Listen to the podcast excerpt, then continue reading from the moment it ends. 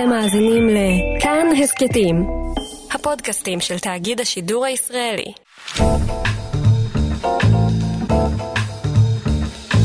תיק רפואי, מגישה דקלה אהרון שפרן.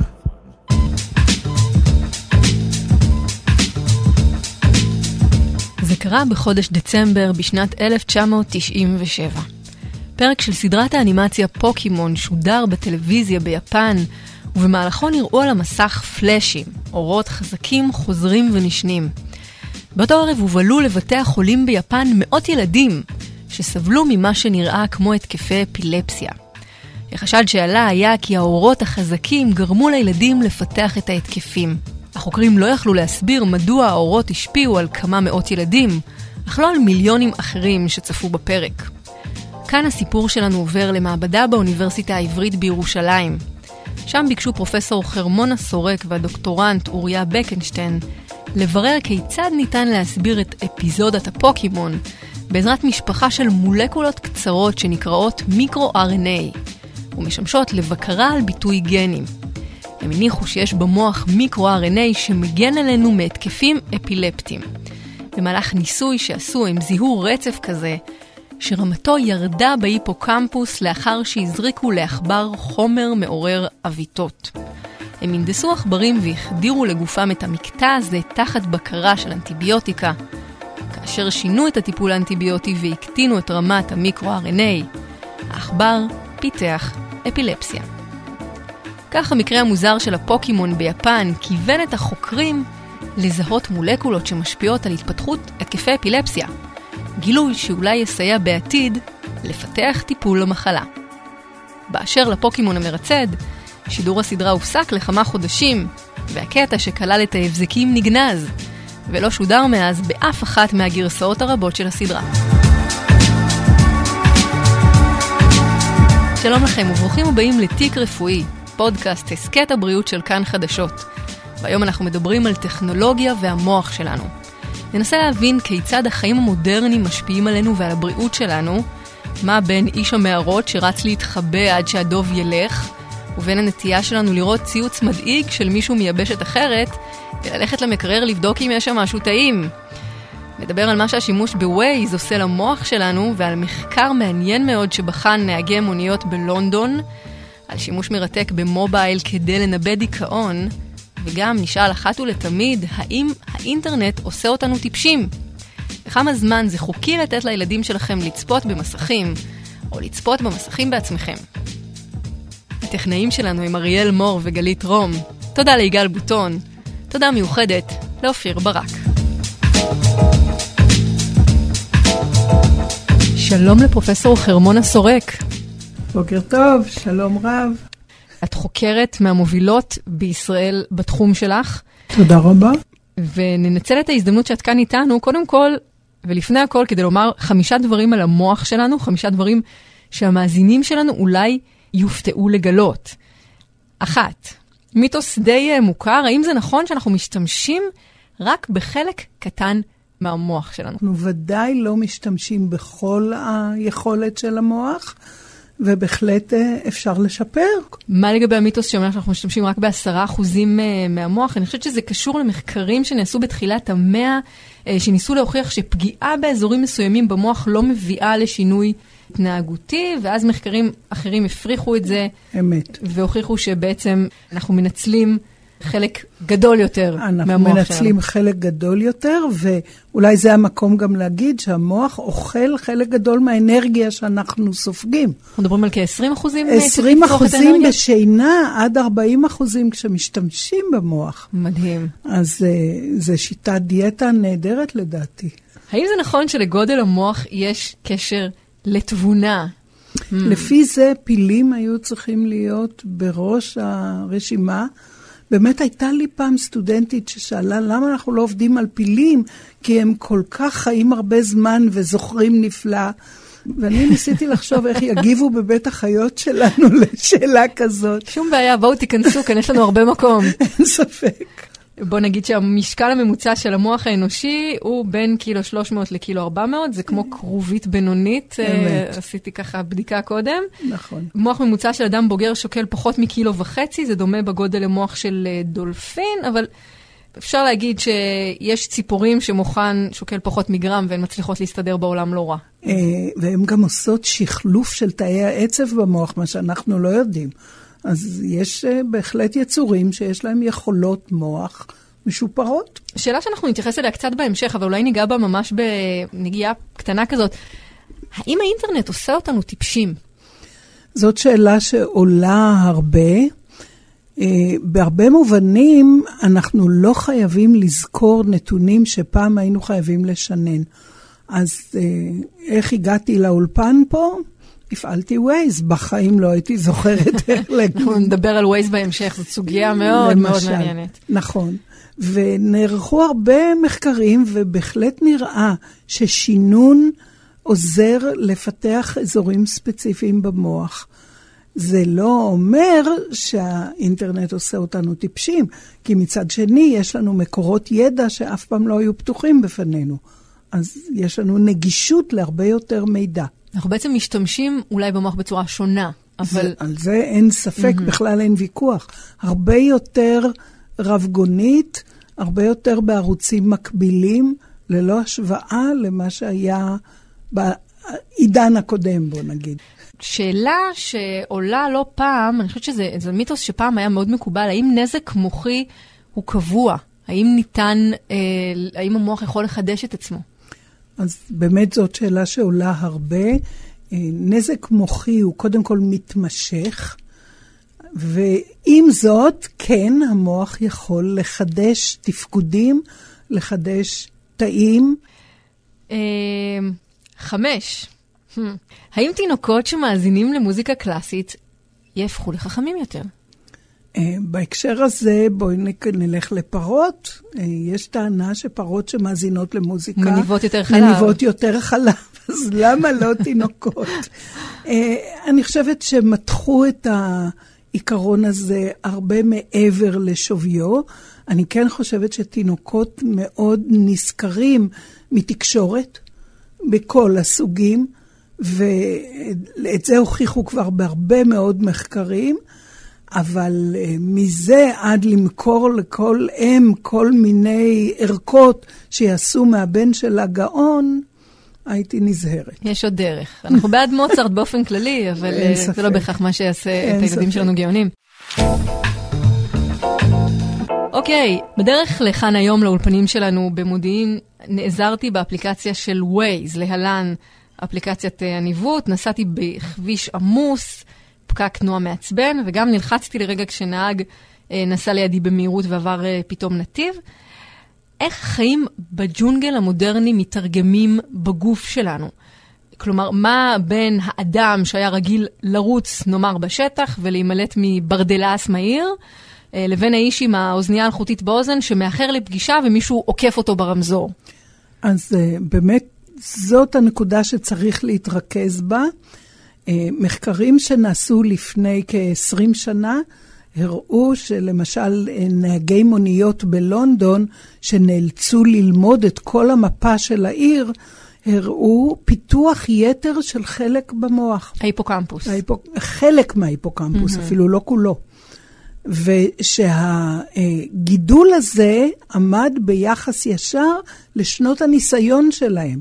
זאת אומרת שזה באמת נבע מזה שהם הפעילו את האזור הזה במוח. שממש יכולת לראות במוח, מורפולוגית, ביטוי של מי שהשתמש יותר הם... במוח כדי לנווט. כדי לזכור כדי... תמונות ניווט. עכשיו, היום האנשים האלה לא צריכים את זה. אז אין מחקרי המשך, מפני שלא ברור שנהגי מוניות בלונדון היום בכלל צריכים לזכור מפות. הם מפעילים את ה-Waze גרסה מקבילה, ופשוט אה, עוקבים אחרי ההוראות של המכשיר. אז אולי יש הבדל במוח שלנו לעומת המוח שהיה קודם, לפני שפותחו כל האפליקציות האלה.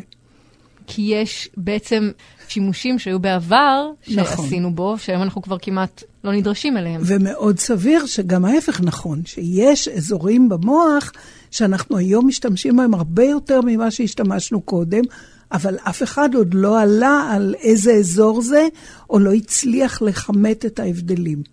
אני הייתי רוצה להניח שאם היינו חוזרים היום לתחילת המהפכה התעשייתית, כששוב באנגליה היה חרדה נוראה מהרעש שמקימות הרכבות. אה, הם פחדו מהשינוי הזה לא פחות ממה שאנחנו חרדים היום. זה נכון שהסביבה כל הזמן מתקשרת איתנו וההפך. בעקבות המודרנה והרפואה המתקדמת אנחנו גם חיים יותר זמן. איך זה ישפיע על הביטוי של גנים מסוימים באוכלוסייה? לפני שלושה דורות בערך חלק לא מבוטל מהתינוקות לא שרדו מעבר לגיל חמש, אבל אנחנו חיים הרבה יותר שנים. אמת. אז uh, באמת זה מעורר שאלות בשני הקצוות של הקשת. קודם כל, שורדים היום הרבה ילדים שלא היו מגיעים באמת לגיל חמש לפני מאה שנה. מה שאומר שיש הרבה יותר בני אדם רגישים, אולי רגישים לסביבה, אולי רגישים למחלות, לווירוסים, לחיידקים, שפעם לא היו שורדים. אז אולי התגובות שלהם משתנות ואולי ביטוי הגנים שלהם משתנה. מהצד השני של הקשת, אין ספק שיש לנו היום אחוז הרבה יותר גבוה של בני אדם מבוגרים ממה שהיה פעם, וזה כן מתחיל להתבטא בספרות. אנשים מתחילים לעשות מחקרים של אה, נתונים רבים שמצטברים, כי אלה הם גם האנשים שנעזרים יותר מאחרים בטיפולים תרופתיים. מתחילים לשאול, מה עושות תרופות למוח המזדקן? ומסתבר שהאפקט שלהם הוא שונה מזה של המוח הצעיר. זאת אומרת שבעצם אנחנו צריכים להתחיל ללמוד בצורה הרבה יותר מעמיקה את תהליכי ההזדקנות של המוח, כמו שאנחנו צריכים ללמוד גם את דרכי ההתפתחות שלו. מצד אחד מוצאים הבדלים במוחם של ילדים, אפילו שקיבלו יותר או פחות תשומת לב מהסביבה, בעיקר מהאם. ומצד שני מוצאים הבדלים בביטוי גנים במוחם של מבוגרים שמקבלים תרופות בכלל בשביל לשלוט על תגובות אלרגיות למשל, ופתאום מתברר שזה פוגע ביכולות התבוניות של המוח. בתחילת המאה ה-20 תוחלת החיים בארצות הברית הייתה 49. מטורף. ו- ואם מסתכלים על תמונות של אנשים מהתקופה ההיא, הם בהחלט לא נראו בני 49, הם נראו הרבה יותר זקנים. הם לא אכלו נכון, הם לא פעלו נכון, הם לא חיו נכון, ואולי הם חיו בסביבה מאוד מזוהמת בלי לדעת את זה בכלל. אז uh, צריך להעריך מה שיש לנו, אבל באמת לחקור מה קורה איתנו בשנים שאף פעם לא נחקרו קודם. ש-where no one has gone before, שלא הגענו אליהם בעצם. השבועון ניוזוויק פרסם ב-2010 מאמר על משבר היצירתיות, כך קראו לזה. המאמר הזה גרס שמאז 1984 מנת המשכל של צעירים אמריקאים הולכת ועולה, אבל היצירתיות שלהם יורדת. איגוד המעסיקים הלאומי בארצות הברית פרסם סקר אה, שנערך בקרב מעסיקים ומרצים באוניברסיטאות, ולפיו צעירים שנולדו אחרי שנת 1982 הם, שימי לב, עובדים ותלמידים שטחיים יחסית, קצרי רוח, לא ממוקדים ומתקשים לקבל ביקורת. כל זה מוביל אותי אה, לשאול אותך, האם האינטרנט והאייפד והסלולר משנים אותנו, משנים את המוח שלנו וגורמים לנו לחשוב ולהתנהג אחרת? אנחנו יודעים לדוגמה שיש שכיחות גוברת של הפרעות קשב באוכלוסייה, מאידך אולי זה נובע מכך שאנחנו מאבחנים יותר. זאת אחת ההגדרות שאני, לפעמים אני קוראת מכתבי המלצה, ואני אומרת שיש מכתבים שאומרים יותר על הממליץ מאשר על המומלץ. אין ספק שהמעריכים התרגלו לסט של עקרונות, ולפי העקרונות האלה, התלמידים של היום לא מתאימים להם. אז זאת בעיה דו-קוטבית. מעניין, את אומרת שפשוט הם התרגלו, המעסיקים או המרצים, אה, לקבל במרכאות תלמידים או אה, מועסקים מסוג מסוים, מסוים, והם לא רגילים לשינוי. כן. אז מצד שני, זה נכון שהיום הרבה יותר ילדים אה, מגיעים לחינוך אקדמי ממה שהגיעו לפני שני דורות. אה, אם אני מסתכלת על כיתה ממוצעת, אני חושבת שאולי התלמיד הממוצע לפני 20 שנה היה יותר משקיען, יותר יסודי. היום אולי מגיעים אנשים שלא היו מגיעים פעם לאוניברסיטה. מצד שני, הכי טובים בכיתה הם הכי טובים שראיתי אי פעם, כי יש להם הרבה יותר מקורות מידע להיבנות מהם. אז המבריקים יכולים להגיע להישגים שלא היו אה, סבירים, בוא נגיד, לפני 20 שנה. וצריך להסתכל גם על הדבר הזה. המעריכים אולי פחות רגילים להסתכל על רבגוניות של ידע בתחומים שונים בהשוואה לשינון מעמיק של תחום אחד. אז אולי אלה לא יהיו חתן התנ"ך העולמי, אבל הם כן יוכלו לפתח Waze, אה, למשל, לדוגמה, מה שאנחנו רואים שקורה. אני חושבת שיש היום אנשים מקוריים ברמה שאולי לא ראינו. ובהקשר הזה יש מחקרים באבולוציה שמראים קשר לכאורה בין גידול וצמיחה של חברות אדם והתפוצצות מידע. קפיצות מעבר, כאלה? מעברים קפיצה, כאלה? מעבר לשלב הבא. בשביל לפתח ממש טכנולוגיה, כנראה צריך עבודת צוות.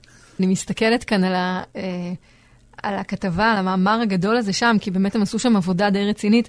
אה, מצטטים אה, סופר שקוראים לו ניקולס קאר, שכתב ספר ושמו The Shallows, What the Internet is doing to our brains. ואת יכולה להבין לאיפה זה כן. נגרר.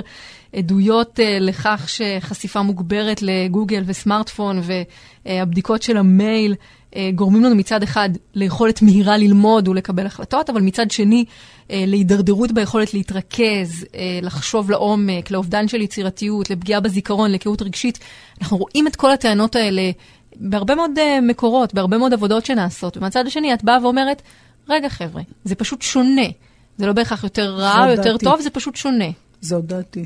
כלומר, אנחנו הולכים למקום אחר, שלא היינו בו לפני כן, אבל שאנחנו מפתחים בו אולי יכולות אחרות, שלא היינו יכולים לעשות אותן לפני כן. אולי אנחנו חווים את הקפיצה הבאה בנגישות לטכנולוגיות.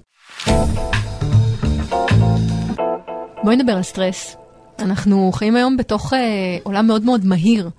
אנחנו אה, זזים מהר, אנחנו כל הזמן עסוקים, כל הזמן עם הסלולר ביד ולפני השינה. ו...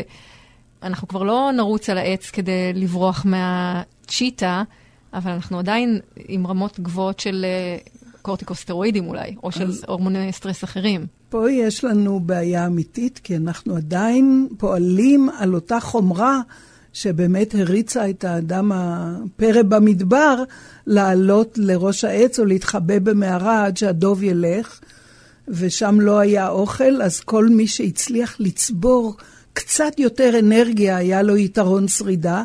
ואנחנו היום אה, רואים איזה טוויט מדאיג של מישהו ביבשת אחרת, והולכים למקרר לראות אם יש שם משהו טעים. אז אה, זאת בעיה אמיתית. המטאבוליזם והנמר. או היכ... ארגז הכלים שלנו והנמר. להתמודד. כן. ובאמת התמודדות עם מצבים מלחיצים היא, היא בעיה עולמית.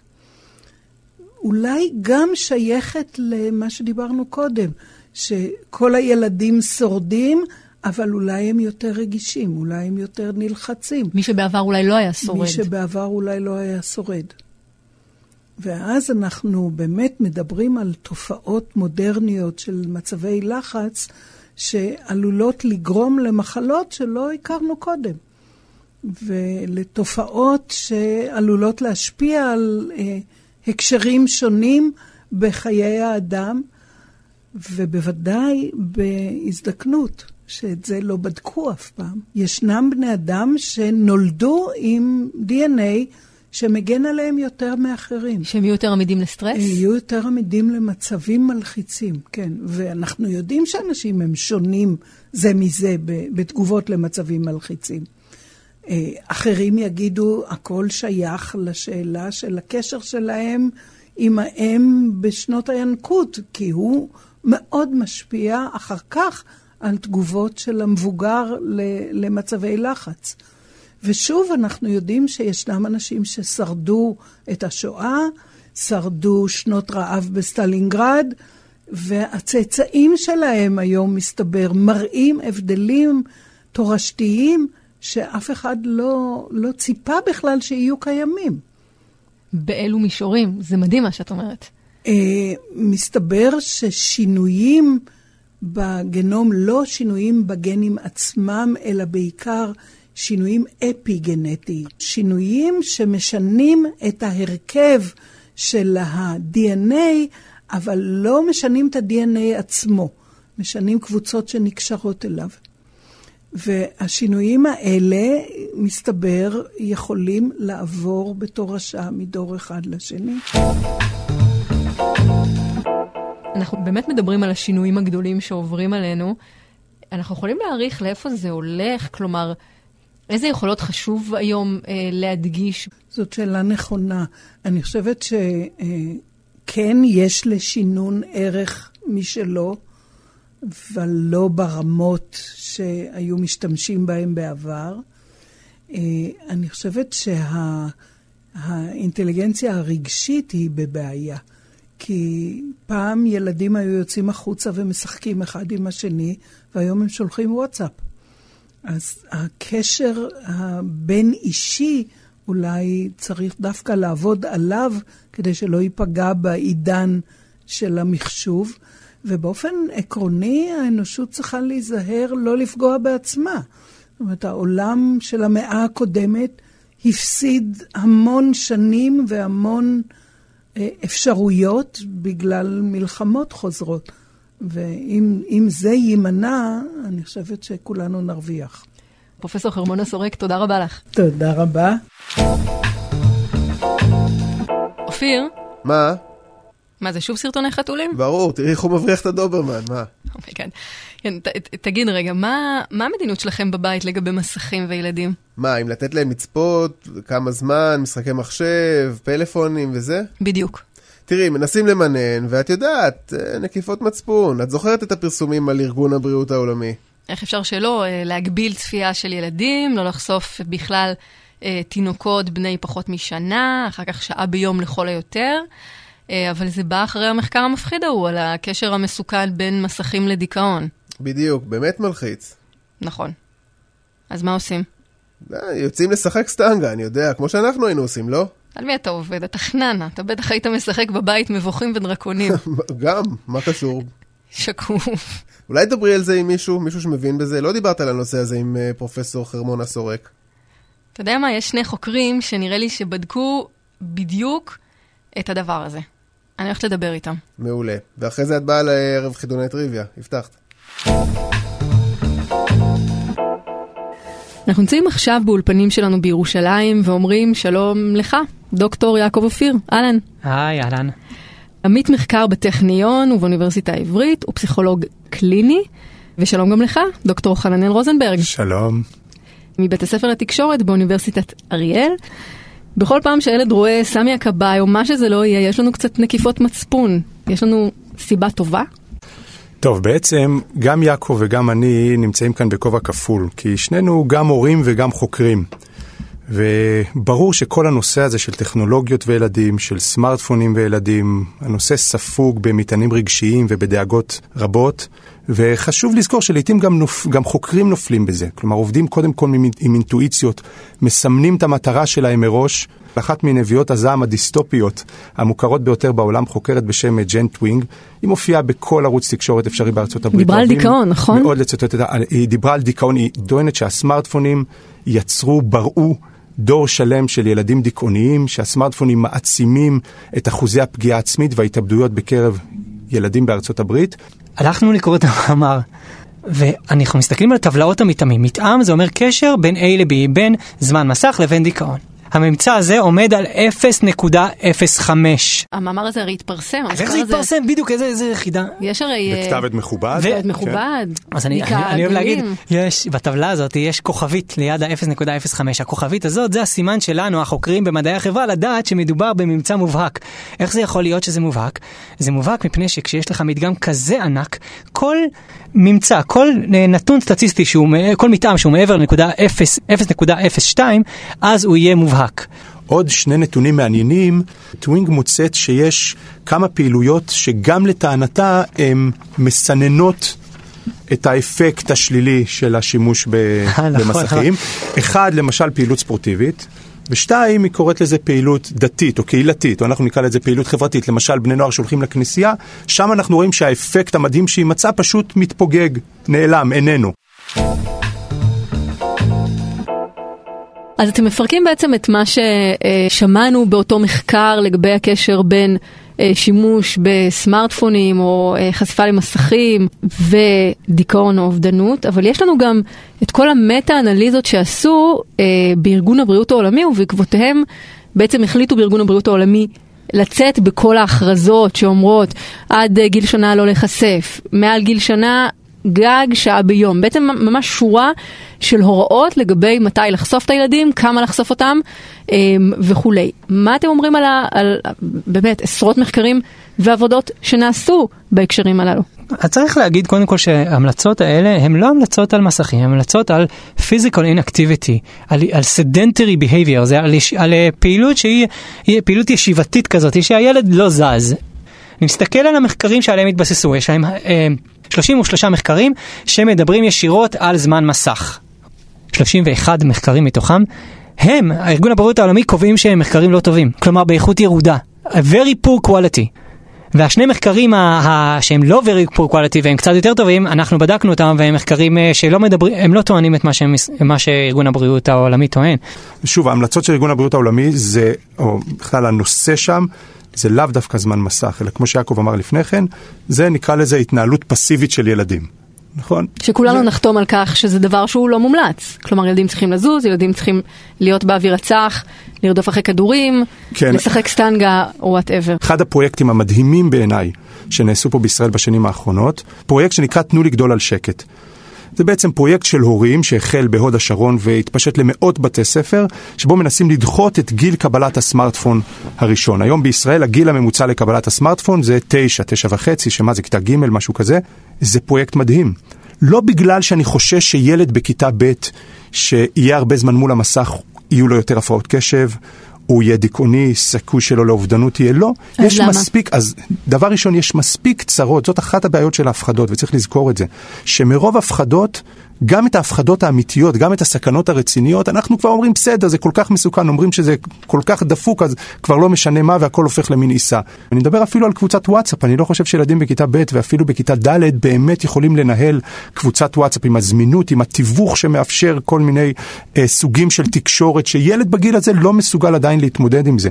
ותמיד, כשמדברים על ילדים, ואני אחזור על זה שוב, צריך לזכור שאנחנו ההורים חלק מהסיפור, חלק מרכזי מהסיפור הזה. בואו תנו לנו ככה בתור שני חוקרים מכובדים מאוד שעשו מחקר אה, ועשו עבודה מכובד. בעניין, מה אתם עושים אני- בבית? כהורה אני יכול לחשוב על אה, שני טיפים. דבר ראשון, אולי קצת להעתיק את המשקל מהשאלה שעסקנו בה כל כך הרבה של כמה הילדים משתמשים וכמה הם צופים, לשאלה, כמו שאמרנו, במה הם משתמשים, מה הם עושים, ל- ל- למצוא איזשהו איזון בין המשחק, בין התכנים שהם צורכים, שיהיו גם קצת תכנים חינוכיים, אבל גם אולי משהו שאנחנו לא שמים לב אליו מספיק, שזה איפה הם צורכים, באיזה הקשר. אפשר ליצור אפילו חוזה ביתי, שיש מרחבים מסוימים שהם נטולי סמארטפון. למשל, אצלנו בבית אין סמארטפונים באוטו. אין כמובן סמארטפונים בארוחות, אין סמארטפונים... ב... ודרך אגב, גם עליי זה עובד. למשל, אני החלטתי, אני שמתי לב, אני מכור, יכול להיות. אני לא מצליח להתנתק מהסמארטפון. גם כשאני בבית עם הילדים לבד, לכבות את הסמארטפון זה גדול עליי. אבל אני החלטתי שאני הופך את הסמארטפון ממכשיר נייד למכשיר נייח. הסמארטפון דלוק, הוא נמצא על השולחן במטבח, אני לא מסתובב איתו איתי בכיס, אני יושב עם הילדים, אני הולך לחדר, אני מכין איתם שיעורי בית, אני הולך להכין אוכל, כן, מדי פעם אני קופץ לסמארטפון לפתוח לראות אם אין לי איזה מייל מסטודנטים, אני לא מצליח להתנתק ממנו לגמרי, אבל את אותה חיבוריות מועצמת. הוא לא צמוד אליך פיזית. הוא לא צמוד אליי פיזית, ולכן אני מאפשר איזשהו מרווח, מרחב שאני אהיה עם הילדים שלי, אני מכריח את עצמי, והילדים שלי מעירים לי על זה, שיהיה איזשהו מרחב שאני עם הילדים, שהמרחב הזה הוא נטול סמארטפון. ממש חשוב לי שהמסר להורים יהיה להיות בתוך, ה, בתוך העולם הזה ביחד עם הילדים. אני חושב, אחרי שדחינו את מתן הסמארטפון הראשון, עכשיו כשהילדים נמצאים בטרום גיל ההתבגרות, רגע לפני שהם נכנסים לגיל ההתבגרות ומקבלים את הסמארטפון הראשון שלהם, זה הזמן שלנו ההורים, כשהם עדיין מקשיבים לנו, כן, הם עדיין לא, עוד לא במרד הגדול. הם עדיין מקשיבים לנו, אנחנו יכולים לשבת איתם, אנחנו אומרים להם בוא נסתכל בקבוצות וואטסאפ, עוברים, אם אנחנו רואים איזה, איזה התנהגות שהיא לא כל כך uh, מתאימה בוואטסאפ, זה הזמן שלנו ל- ללמד אותם, והכל בעדינות ובחיבור, ולא ב- ב- בפחד ובאימה מהמסך. בעיקר, בעיקר לשים לב לסכנות האמיתיות, שזה, אני חושב, הפורנוגרפיה וה, והבריונות ברשת. הסמארטפונים הביאו מזור לכל כך הרבה אה, מרחבים ואפילו כל כך הרבה בני נוער. למשל, מי שקצת מכיר את התחום, ילדים שנמצאים על הרצף. והאופן שבו הם משתמשים והעולמות שהסמארטפון פתח ואפילו ילדים שסובלים מבדידות. המרחב הדיגיטלי החדש מאפשר דווקא להם להגיע לחברים ולהיפתח ולדבר זה עולם שלם שבגלל ההפחדות ובגלל ההתמקדות שלנו, ומה לעשות, גם ההתמקדות של התקשורת שנמשכת לנבואות הזעם, אני חושב שנבואות הגאולה האלה הן לפעמים יושבות בצל ומחכות למישהו שיגאל אותם, אז קדימה, הבאתי לך רעיון לפודקאסט הבא. קיבלתי. דוקטור חנל רוזנברג ודוקטור יעקב אופיר, תודה רבה לכם שבאתם אליהם. השיחה הזאת על מסכים וילדים באמת גרמה לי לתהות. אז בעצם הרבה מאוד מההיסטריה שאוחזת ברבים וטובים כשמדובר בלראות עוד פרק של דרדסים גרסת 05 2019, אולי מתמקדת בטפל ולא בעיקר, אולי זה לא זמן המסך, אלא מה שיש בו. לדוגמה, סדרה שאין בלתה, חיים, אותה סדרה שהתיישבנו לצפות בה עם ברקו גם כשסיימנו תואר במדעי הרפואה וגילינו כמה היא מדויקת. אז איך הטכנולוגיה יכולה לסייע לנו לקדם את הבריאות שלנו? זה הזמן לצאת לשטח כדי לבדוק במעבדה בהר הצופים בירושלים. מה בין טלפון נייד ודיכאון. אז הגענו להר הצופים, לבית הספר לריפוי בעיסוק. ברקע אנחנו שומעים קצת דינדון של פעמונים. לא ברור לגמרי מי אחראי להם. ואנחנו כאן במעבדה של דוקטור מור נחום, שלום. שלום. תספרי לנו אולי, בוא נתחיל מהשאלה הבסיסית, איך אה, טכנולוגיות של מובייל יכולות לעזור לנו לעשות דברים שלא היינו יכולים לעשות לפני כן. כן, אז זאת שאלה באמת גדולה, ואני אנסה ככה לפרק אותה לתתי שאלות, כי אנחנו מתעסקים באמת בתחום הזה בהרבה מאוד כיוונים במעבדה שלי. אז בגדול, אם נחשוב על התחום שהכי מעסיק אותי, וחלק גדול מהמחקר שלי בשנים האחרונות, זה התחום של נגיד בריאות הנפש, אוקיי? אז בתחום הזה, כשאנחנו אה, למשל חושבים על אה, בעיות שהן יחסית שכיחות באוכלוסייה, כמו דיכאון, כמו חרדה, מסתבר שאנחנו נורא נוטים לדווח על דברים שקרו לנו ממש לאחרונה, או על דברים שמאוד משקפים את מצב הרוח שלנו ברגע שבו נשאלנו על השאלה. עכשיו, יש לזה יתרונות מסוימים, אבל בגדול זה איזשהו, יש בזה המון המון הטיה. וכדי שנוכל לשקף בצורה נורא טובה באמת מה המצב הנפשי, התפקודי, אה, הקוגניטיבי של הבן אדם שמולנו, כדאי מאוד שנמדוד אותו א', בנקודות שונות, ב', לאורך זמן, וג', במצבים אקולוגיים ככל האפשר. זאת אומרת, אם אפשר למדוד אותו בבית שלו, בעבודה שלו, בסביבת החיים. פיתחנו איזושהי אפליקציה, קראנו לה בזמנו מודיפיי, אחר כך השם עבר כמה גלגולים. והאפליקציה הזאת, כל מה שהיא עשתה זה היא התריעה לבן אדם בזמנים אקראיים, וביקשה ממנו, עכשיו, תאר לנו מה אתה מרגיש. לא איך הרגשת אתמול, לא איך הרגשת בשבוע האחרון, מה אתה מרגיש עכשיו. גילינו שכשאנחנו מודדים את הבן אדם בנקודת זמן מסוימת, ומנסים לנבא שבועיים אחר כך, מה יהיה המצב הנפשי שלו מבחינת רמת הדיכאון, אוקיי? אז המדידה בנקודת זמן אפס, בנקודת זמן מסוימת, היא מנבא מאוד טוב לאיך יהיה הדיכאון עוד שבועיים. זה נכון להרבה מאוד uh, מחקרים. אבל מה הסתבר לנו? הסתבר לנו שאם במהלך השבועיים האלה אנחנו שואלים אותו מדי פעם, איך אתה מרגיש? תאר לנו איך אתה מרגיש עכשיו. כשאנחנו לוקחים את השונות בדיווחים האלה, כמה זה משתנה מרגע לרגע, מנקודה לנקודה, זה נותן לנו ניבוי חזק יותר לאיך הבן אדם ירגיש שבועיים אחר כך, מאשר אם היינו רק לוקחים את נקודת המוצא, את נקודת הבסיס. אז זאת רק דוגמה אחת למה אנחנו יכולים לעשות על ידי שימוש באפליקציה, במקרה הזה שאנחנו פיתחנו, אבל יש המון כלים דומים כאלה בשוק, אה, בשביל לנסות, ושוב, לנטר בצורה ממושכת, הרבה פעמים קוראים לזה ניטור אקולוגי מתמשך במחקר, אה, על, על כל מיני פרמטרים שאפשר לחשוב עליהם, כדי לתת לנו איזשהו ניבוי למה יקרה עם הבן אדם, ולדעת אולי להתערב מוקדם בכדי למנוע את זה. אנחנו מדברים על מודרנה אה, ועל טכנולוגיה באופן ספציפי ועל ההשפעה שלה עלינו, על הבריאות שלנו. כאן בעצם את באה ואומרת, אני יכולה להשתמש בכלים הללו, שלא היו לי לפני כן, אה, של הטכנולוגיה, כדי לקדם בריאות. אה, איפה עוד אנחנו רואים היום את התחום הזה של המובייל הלת קורה, מלבד השדות הללו שאת מדברת עליהם? יש היום המון, אה, אה, המון אה, דיבור סביב הנושא של תיקים אלקטרוניים, תיקים רפואיים אלקטרוניים של מטופלים. היום המון חולים כבר יש להם גישה לכל המידע שלהם אונליין. חברות גדולות כמו פייסבוק, יש חברת בת של גוגל שנקראת ורילי, שמתעסקות בדיוק בעניין הזה שהמון המון מידע אונליין נאסף על אנשים, והן מתחילות לנתח אותו באמצעות אלגוריתמים חכמים, באמצעות טכנולוגיות של Machine Learning למשל, למידת מכונה, של איך אנחנו יכולים להבין מזה האם בן אדם אה, הולכת להיות החרפה במצב הבריאותי שלו, האם חס וחלילה הוא עומד אה, לבצע אה, התאבדות או מעשים אה, נוראים כאלה ואחרים. ככה אנחנו רותמים את הטכנולוגיה, את השינויים הטכנולוגיים שקורים אה, לטובתנו באיזשהו מקום ולטובת ה, הציבור, לטובת האוכלוסייה, על ידי כך שאנחנו, אה, שאנחנו עוזרים בזה. דוקטור מור נחום, חוקרת מוח ומרצה בכירה בחוג לריפוי בעיסוק כאן באוניברסיטה העברית. תודה רבה לך. האמת היא שקצת נרגעתי. יכול להיות שהחשש שלנו מפני הטכנולוגיה וההשפעה שלה עלינו הוא טבעי.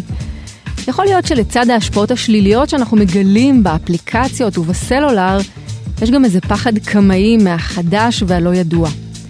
זה עדיין לא אומר שלא צריך לבדוק טוב טוב במה אנחנו מזינים את המוח שלנו, וגם לנשום אוויר צח, לראות קצת ירוק ולראות פרצופים מחייכים, לא רק בוואטסאפ. תודה רבה לכם המאזינים שהצטרפתם אלינו. אתם מוזמנים להירשם לפודקאסט הסכת הבריאות תיק רפואי באפליקציה החביבה עליכם. אנחנו תמיד אוהבים לקבל תגובות, אפשר בפייסבוק של כאן חדשות, או בחשבון שלי, דקלה אהרון שפרן בפייסבוק או בטוויטר. אפשר גם להגיע אליי במייל של תאגיד כאן, דקלה a את כאן.org.il. תודה שהייתם איתנו. להתראות.